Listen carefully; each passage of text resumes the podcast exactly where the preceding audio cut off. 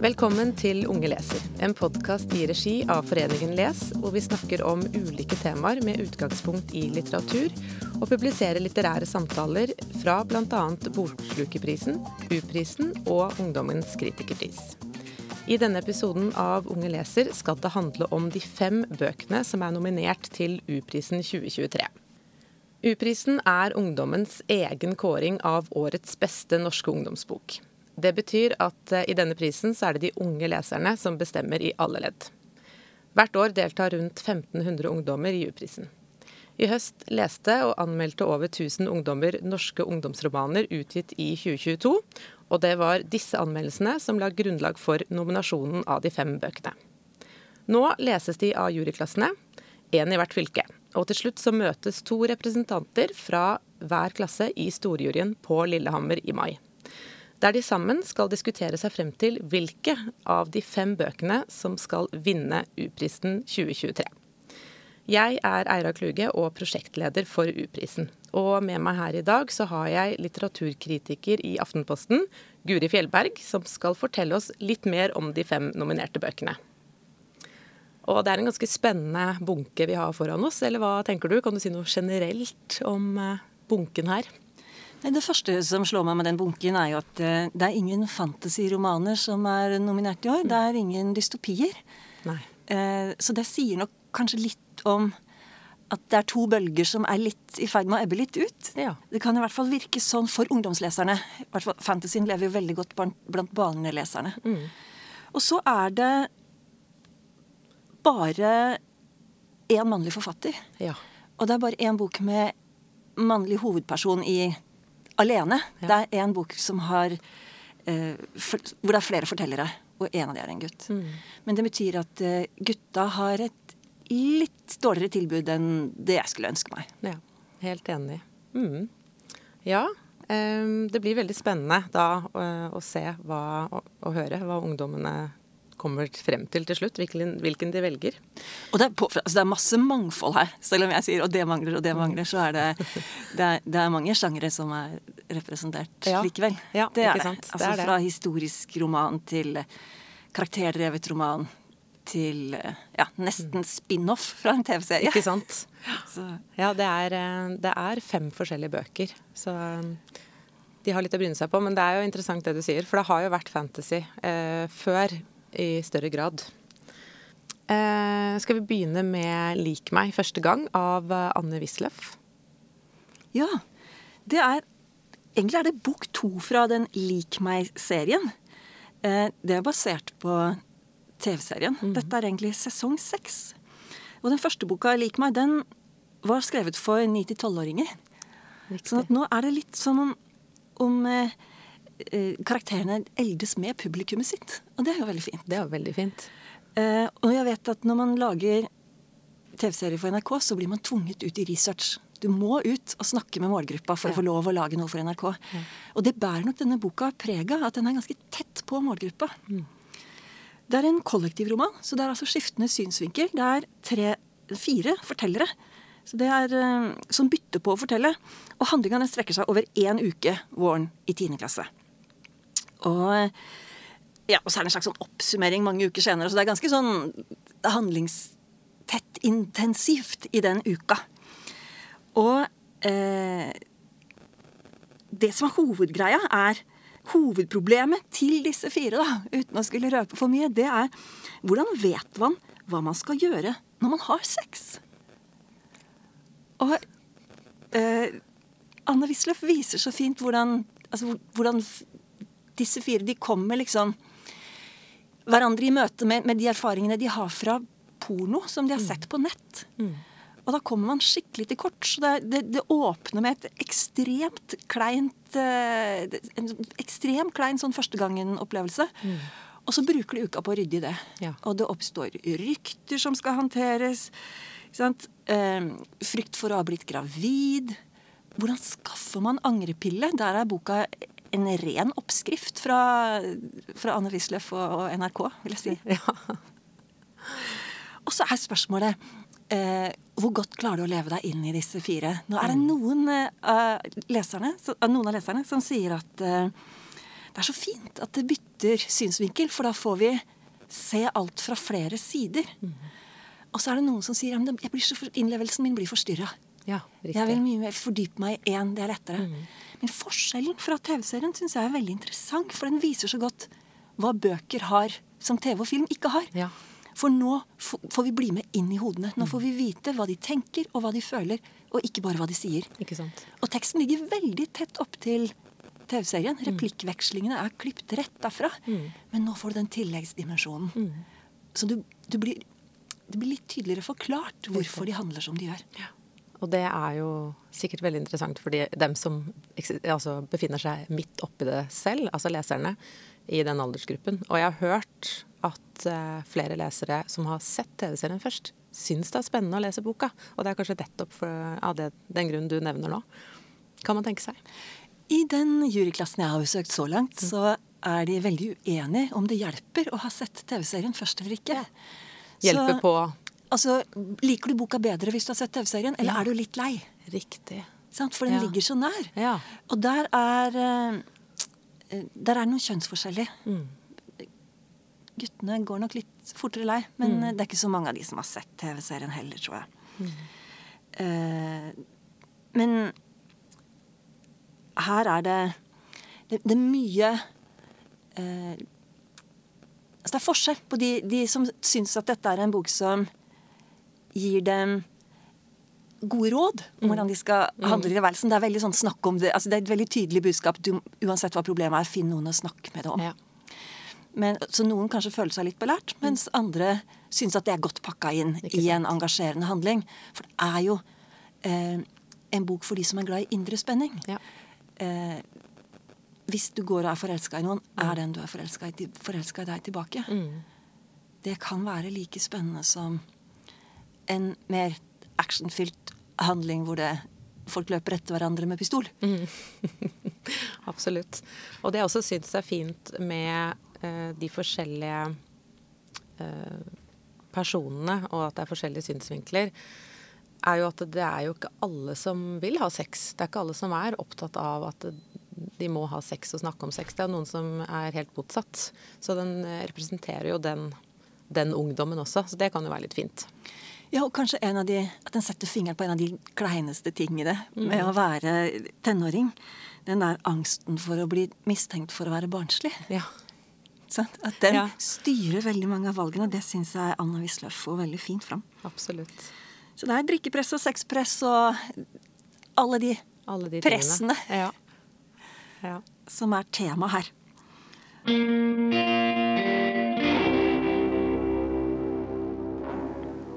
Da kan vi gå videre til eh, Høyt press av Jan Tore Noreng. Og eh, her har vi gutter i hovedrollen. Ja, nå handler det om Mehmet, ja. som har uh, tyrkiske foreldre. Mm. Men han uh, Jeg opplever ham som, som ganske norsk, det vil jeg si. Men det er et veldig poeng for miljøet her at, at han har en, en, pappa fra Tyrkia, en sånn sliterpappa, som er død som hadde en veldig drøm om at, at sønnen skal gjøre fotballkarriere og ja, tjene bedre enn det pappa klarte, da. Så det er, det er veldig mye som er knytta til å leve opp til pappas forventninger selv om han er død, og, og få det til virkelig å lykkes på fotballbanen. Og da blir det et stort problem når det dukker opp en ny spiller på laget, og Mehmet blir plassert på reservebenken. For hvordan kan du lykkes med å bli proff fra reservebenken. Nei, det går jo ikke. Og så har eh, Mehmet også en bror. Jeg vet ikke om vi skal gå så dypt inn i handlingene, men det jo, for her er det, det står jo store verdier på spill. Det er, det er jo noen moralske dilemmaer her ja. som Jan Tore Noreng tar opp. For her får vi en hovedperson som ikke er helt sympatisk. Mm. For det er, noe, det er noe med OK, eh, når du blir satt ut av laget, da er det jo liksom pappas oppskrift. Ærlig, hardt arbeid lønner seg. Mm. Det er jo den vi blir innprenta. Mm. Men når du har en storebror da, mm. som er sånn småkriminell og har som mål og størst mulig fortjeneste for minst mulig innsats, så er jo spørsmålet om ikke det er noe hjelp å få der, da. For å få tilbake plassen sin på laget. Og så er det også noe med denne fotballtreneren. Fordi at eh, han som har fått den plassen, som Mehmet egentlig regna som sin, eh, er det helt rettferdig at han har tatt over der. Han suser inn ganske raskt på den plassen. Ja, men, og er det fordi at pappaen hans er hovedsponsor på dette laget. Og det tror jeg er en problemstilling som angår veldig mange. Altså, Jeg kjenner meg igjen i det at vi som kommer fra små steder det var jo, Treneren var jo sant, i slekt med noen og hadde barn på laget. Og når jeg ble eldre, så var det jo treneren var jo kjæreste ofte med noen på laget. Sant? Det er vanskelig å gjøre et rettferdig uttak. Ja, det det. Og det er en type urettferdighet som jeg er spent på om leserne kjenner igjen. I U-prisbasen så er det ingen som Mm. Nei. I anmeldelsene der er det ingen som har vært opptatt av det. Mens Nei. Mm. jeg kjenner at jeg blir veldig opptatt av det. Og, men her er det i hvert fall Det er veldig rendyrka problem. Det er, denne boka er kort. Mm. Den er lettlest. 99 sider. Og Mm. spørsmålet er sant, Mehmet Først så prøver han seg med å få hjelp av broren sin, og så er spørsmålet om det er så lurt. Mm. Og så får han et veldig sånn moralsk valg eh, som det er spennende om, om leserne lar seg engasjere i. da.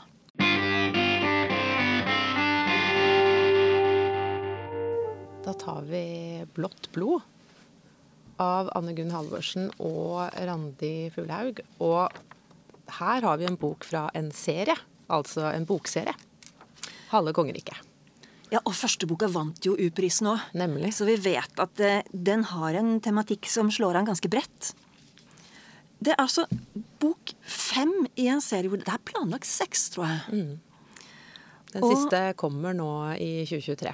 Den gjør det, ja. Den gjør det. Og den eh, første boka er eh, filmatisert som Royal Teens. Eh, og her er det altså et kongelig tvillingpar som går på Elisenberg videregående skole i Oslo. Og så handler det om altså Hver bok har forskjellig hovedperson knytta til miljøet rundt den, den nærmeste vennegjengen rundt de to. Og i første boka så var det eh, Lena som kom eh, dumpende inn i dette miljøet, en, som viste seg å være en fattig alenemor fra Horten. det var på en måte, Nå røper jeg egentlig litt mye, men det var jo på en måte hemmeligheten i den første boka. At det hun presenterte som lillebroren sin, var sønnen hennes. Og så forelska hun seg i kronprinsen. Men nå er det jo slutt, da! Ja. Mellom eh, eh, Karl Johan Kalle, eh, som han kalles, og, og Lena. Nå har han blitt sammen med Ingrid, som er barndomsvennen. Og en, en har kjent bestandig. Så har de blitt sammen i sommerferien. Nå er det nytt skoleår. Og så er det spørsmål, og alle sier at dette er det perfekte paret. Hun har jo litt sånn eh, Hva skal vi si overklassebakgrunn? Ja. Det er lov å si det. Det tror jeg er helt lov å si. Og foreldrene hennes kjenner kongefamilien. Det er, dette er liksom innafor. Ja, hun kommer Eh, fra, fra riktig familie. Og det som er så gøy med denne serien, er jo at alle problemene som oppstår, blir litt sånn i annen potens når det er knytta til kongefamilien. Altså hvis du er eh, altså, Til å gjøre det slutt med Kalle, eksempel, da, da må du gjøre det slutt med kongefamilien. Blir du gravid med Kalle og bestemmer deg for å ta abort, ja, da, da skal du abortere en tronarving. Det er liksom Ja, det blir liksom det, det lille ekstra. Det blåses opp. Noe Det det. voldsomt, ja. Og det er jo det at de drar på litt. Og det er jo nettopp uh, i det her landskapet hvor det også er noen fine Netflix-serier. Sånn som den, uh, den svenske Young Royals. Så de har jo litt å konkurrere med. Absolutt. Men nettopp fordi det er bok sånn, vi, ville, vi ville kanskje synes det var sånn overdrevet hvis vi skulle se det på film. Men siden det er tekst Det skal liksom funke i min fantasi. Og der holder det seg liksom innafor noe jeg, som min fantasi håndterer helt fint. Ja. Um, og da, for de, de, de drar virkelig på. Altså, alle dummer seg ut. Og det er selvforskyldt når de roter det til for seg. Ja. Det går igjen i alle bøkene. Og så er nok mye av motivasjonen for å skrive disse bøkene å vise at det ordner seg. Ja. Det er, det er, det er noe med å tørke tårene og gå videre. Og nå er det Ingrid sin tur til å rote det til for seg. Sant? Så hun eh, eh, hennes, altså En av de viktige problemstillingene her er hvis du kommer fra overklassen, du går på Elisenberg videregående skole, studiespesialisering Selvfølgelig skal du studere videre. Hva med å velge yrkesfag? Kan man velge yrkesfag da? Nei, ikke sant. Sant? Og det er jo sånn Alle sier 'følg hjertet ditt', Ja. men hvordan blir det når det blir liksom motsatt? For vi, i mediene så hører vi om alle de som på en måte skal følge hjertet sitt og våge mer. Ikke sant? Ja, Vi hører om Abid Raja som ble advokat istedenfor rørlegger. Ja. Altså, det er liksom de historiene. Og her er det Jeg skulle nesten ønske at Ingrid hadde valgt å bli rørlegger. jeg. At de hadde tatt det helt, ja, de hadde tatt det helt ut. Mm, Men uh, Men jeg tenker jo også at den problemstillingen der med liksom å velge yrkesfag Og dette er nok ikke alle steder i Norge, så her er det nok noen uh, geografiske forskjeller. Men uh, jeg tror at i noen områder så er det en liksom sett litt ned på å velge yrkesfag. Faktisk fremdeles. Ja, det kan godt hende. eh, Så sånn sett så kan det jo bli veldig gyldig for Jeg- mange. jeg- Selv om det ikke er i jeg- overklassen nå. Det er noe med det at de, dra, hun dra, de drar på. Mm. Men allikevel så er det veldig relevante problemstillinger. Mm. Og så her handler det f.eks. om å kjøre uten å ha lappen Ja. og bulke bilen. Mm. Og det er jo en sånn altså, Det kan få ganske store konsekvenser. Eh, men det går an å leve med de. Mm. Sant? Det er bare, der og da føles det ikke sånn. Men Nei. det går an å leve med de. Ja. Og det å vise fram det, det syns jeg var eh, Det er ganske fint gjort. Mm. Absolutt. Mm. Så spennende, engasjerende. Jeg levde meg lett inn i Ja. den. Mm, enig. Da tror jeg vi skal bevege oss til en bok som David Da er vi i en helt annen tid. Og i en annen by.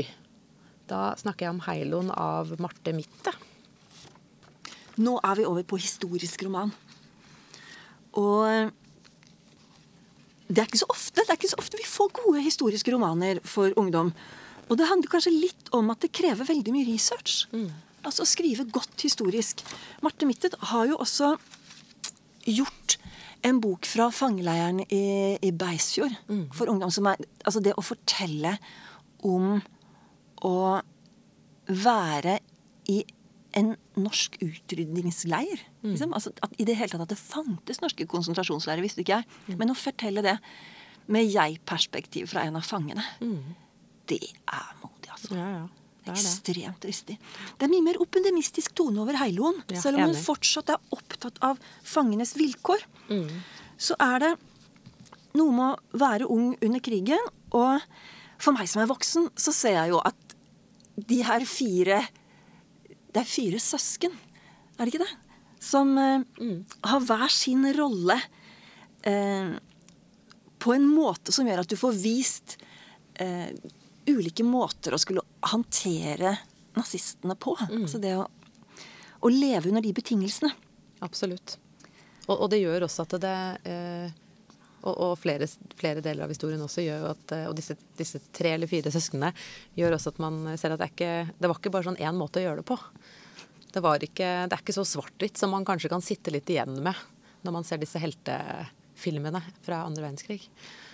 Og det er Nora da, på 17 som er yngst. Så dette er jo en, en bok som går ganske langt opp i alder. Eh, og denne gangen er det sånn kjærligheten som skal være fortellingen. Det er fire kjærlighetshistorier. For da er det Lilly, storesøster, som blir kjæreste med en tysk soldat. Men han er egentlig ikke nazist. Han er bare veldig pliktoppfyllende. Mm.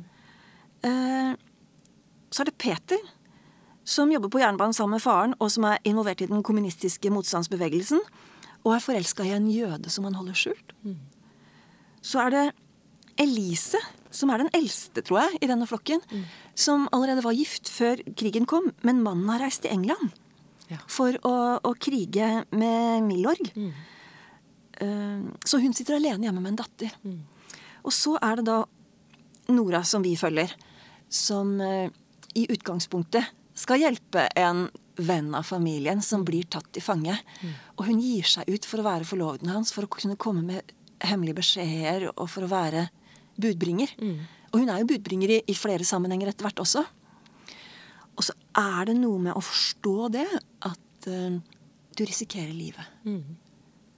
det syns jeg uh, Marte Mytte får veldig fint fram. Absolutt. Og jeg er også imponert over researchen hennes. For denne boka der anbefaler, jeg faktisk å begynne med etterordet. Mm. Fordi der er det en liste over de faktiske historiske personene som er med i denne boka. Mm.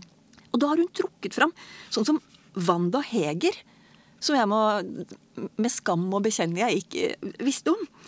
Hun ble presentert altså, som datter av Johan B. Hjort, medgrunnlegger av Nasjonal Samling.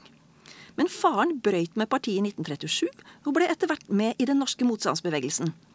Han ble arrestert, og på personlig ordre fra Josep Terboven ble han sendt i fengsel i Berlin.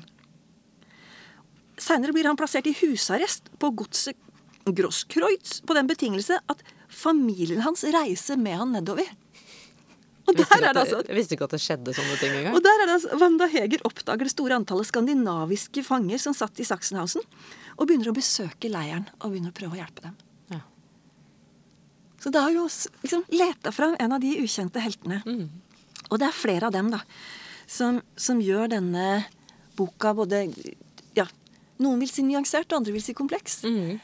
Eh, men så er det også sånn etter å ha lest eh, om, om sex i Lik meg, så er det noe med om hvordan troverdigheten er til disse kjærlighetsfortellingene. ja. om de er liksom eh, alibiet for å klare å, å, å, fortelle om krigen på en måte som vi orker å høre om det. Mm. Eh, og, og, liksom legge varme inn i det. Eller om den kjærligheten faktisk bærer. Mm. Kjempespent på hva de unge leserne sier til det. Helt enig. Veldig spennende. Ja, den skiller seg litt ut. Så det som går igjen i nesten alle bøkene her, det er det etiske dilemmaet. At det er et etisk dilemma i hver eneste bok mm. i år. For det, som det Nora sitt etiske dilemma, det er jo når hun tar risiko, så tar hun risiko på vegne av familien. Det kan bli hevnaksjoner.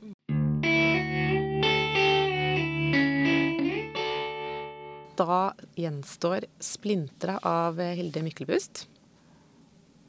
Det er vanskelig å snakke om denne boka uten å røpe for mye, men ja, vi skal til en øy, tror jeg. Vi skal iallfall til et så lite sted at du må flytte på hybel mm. for å begynne på videregående. Mm. Og den starter når det blir sommerferie. Den etter den siste sommer, altså etter det siste året på ungdomsskolen. Nå, nå skal liksom denne vennegjengen på fem splittes opp. Mm. Fordi de har valgt uh, ulike veier videre. Noen av gutta skal videre på yrkesfag.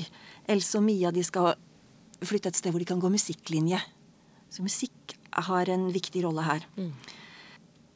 Så er det denne siste sommeren sammen, da. Og da oppstår det noen varme følelser eh, mellom to av disse. Men Mia hun er liksom usikker på vil hun, vil hun ikke. Og egentlig står det ikke så mye på spill, for hun skal jo videre på mm. musikklinje og treffe nye mennesker. Mm. Så det tar litt tid før denne boka virkelig tar av. Mm. Den, vi leser den nok i starten som en karakterrevet roman, tenker mm. jeg, for å bli kjent med hovedpersonene. Absolutt. Og da vet, det vet vi om ungdomslesere at det er ikke alltid at det er nok motor. Nei. Men her blir det bonus hvis du holder ut mm. til midtveis. Ja. For da eh, er jo da spørsmålet hvor mye vi skal røpe, men vi kan vel si det sånn at det er en i denne gjengen som blir veldig alvorlig syk. Absolutt. Og når du da har flytta på hybel, og akkurat er i den alderen hvor du skal øve på å klare deg sjøl. Mm. Og så mm. kaster eh, Så kaster Hilde Myklepust på deg en veldig, veldig god venn som er døende. Mm. Så det der å skulle klare det første året, klare hybellivet finne ut, altså Det handler jo om å enkle ting. altså Du mm. skal få i deg mat, og du skal sove nok, og du, pengene skal rekke, og du skal mm. få gjort leksene dine. Og så sitter du der midt i en ventesorg. Mm. Og det blir veldig gripende. Mm, absolutt. Det er en ganske rørende bok, må jeg si. Og igjen et mm. etisk dilemma. Igjen et etisk dilemma. Så, kan man ha det gøy når man, en man er glad i, er i ferd med å dø? liksom? Ja, Men når han er forelska i deg, og du ikke er forelska i han, ja, det er vanskelig det også. Hva gjør du da? Ja. Du kommer i hvert fall ikke å presentere din nye flemme. Nei, ikke sant. Ja, men det er jo vanskelig det å si i det hele tatt om man, at hun skal ha det gøy. Om hun skal på fest eller ikke. Mm, så det Nei, det er en skikkelig rørende bok, altså. Veldig trist. Mm. Ja, men også fint å se hvordan f.eks. musikken er noe av det som mm. bærer gjennom det hele. Mm. Og også her har Hilde Myklebust vært veldig realistisk. Altså, det er ikke sånn Det er ingen heltinne her som klarer mer enn alderen skulle tilsi. På en måte. Her, her er det noen små sammenbrudd innimellom, og godt å ha en mor og far i bakhånd. Mm, absolutt. Ja, så eh, det er jo helt tydelig fem eh, forskjellige bøker her. Eh, og spennende, som du sier, med de etiske dilemmaene som eh, går igjen i hver. Som er da kjennetegner de bøkene som har blitt nominert i år. Og det er jo ikke sånn eh, altså, det, er ganske, det er ganske spennende med de dilemmaene, fordi de er så ganske nyanserte. Mm. Altså Det er ikke sånn skal jeg ta abort eller skal jeg ikke? Men skal jeg informere barnefaren om mm. at jeg har tenkt å ta abort, mm. eller skal jeg ikke? Ja, Må man det? ja, ja, for eksempel. Um, og det Hvis fotballtreneren din har vært litt urett, urettferdig, rettferdiggjør det at du bruker ufine metoder for å ta mm. tilbake plassen din? Mm. Nei, jeg tror det blir veldig mye spennende å diskutere i klasserommene for oss som er så heldige å være faddere til ja. Eh, de, de juryklassene. Mm. Det er noe av det som er mest spennende for meg. Er hvor nær jeg og ungdommene ligger i våre kvalitetsvurderinger. Mm. For det blir meningsløst at jeg som kritiker jobber for å påvirke bokbransjen til å lage så gode bøker som mulig. Hvis ungdommen er helt uenig med meg i hva som er en god bok. Ikke sant. Mm. Ja, da tenker jeg at uh, det bare gjenstår å, å, si tusen takk for at du kom, Guri Fjellberg, og snakket med oss om bøkene. Takk for at jeg fikk komme. Ha det bra.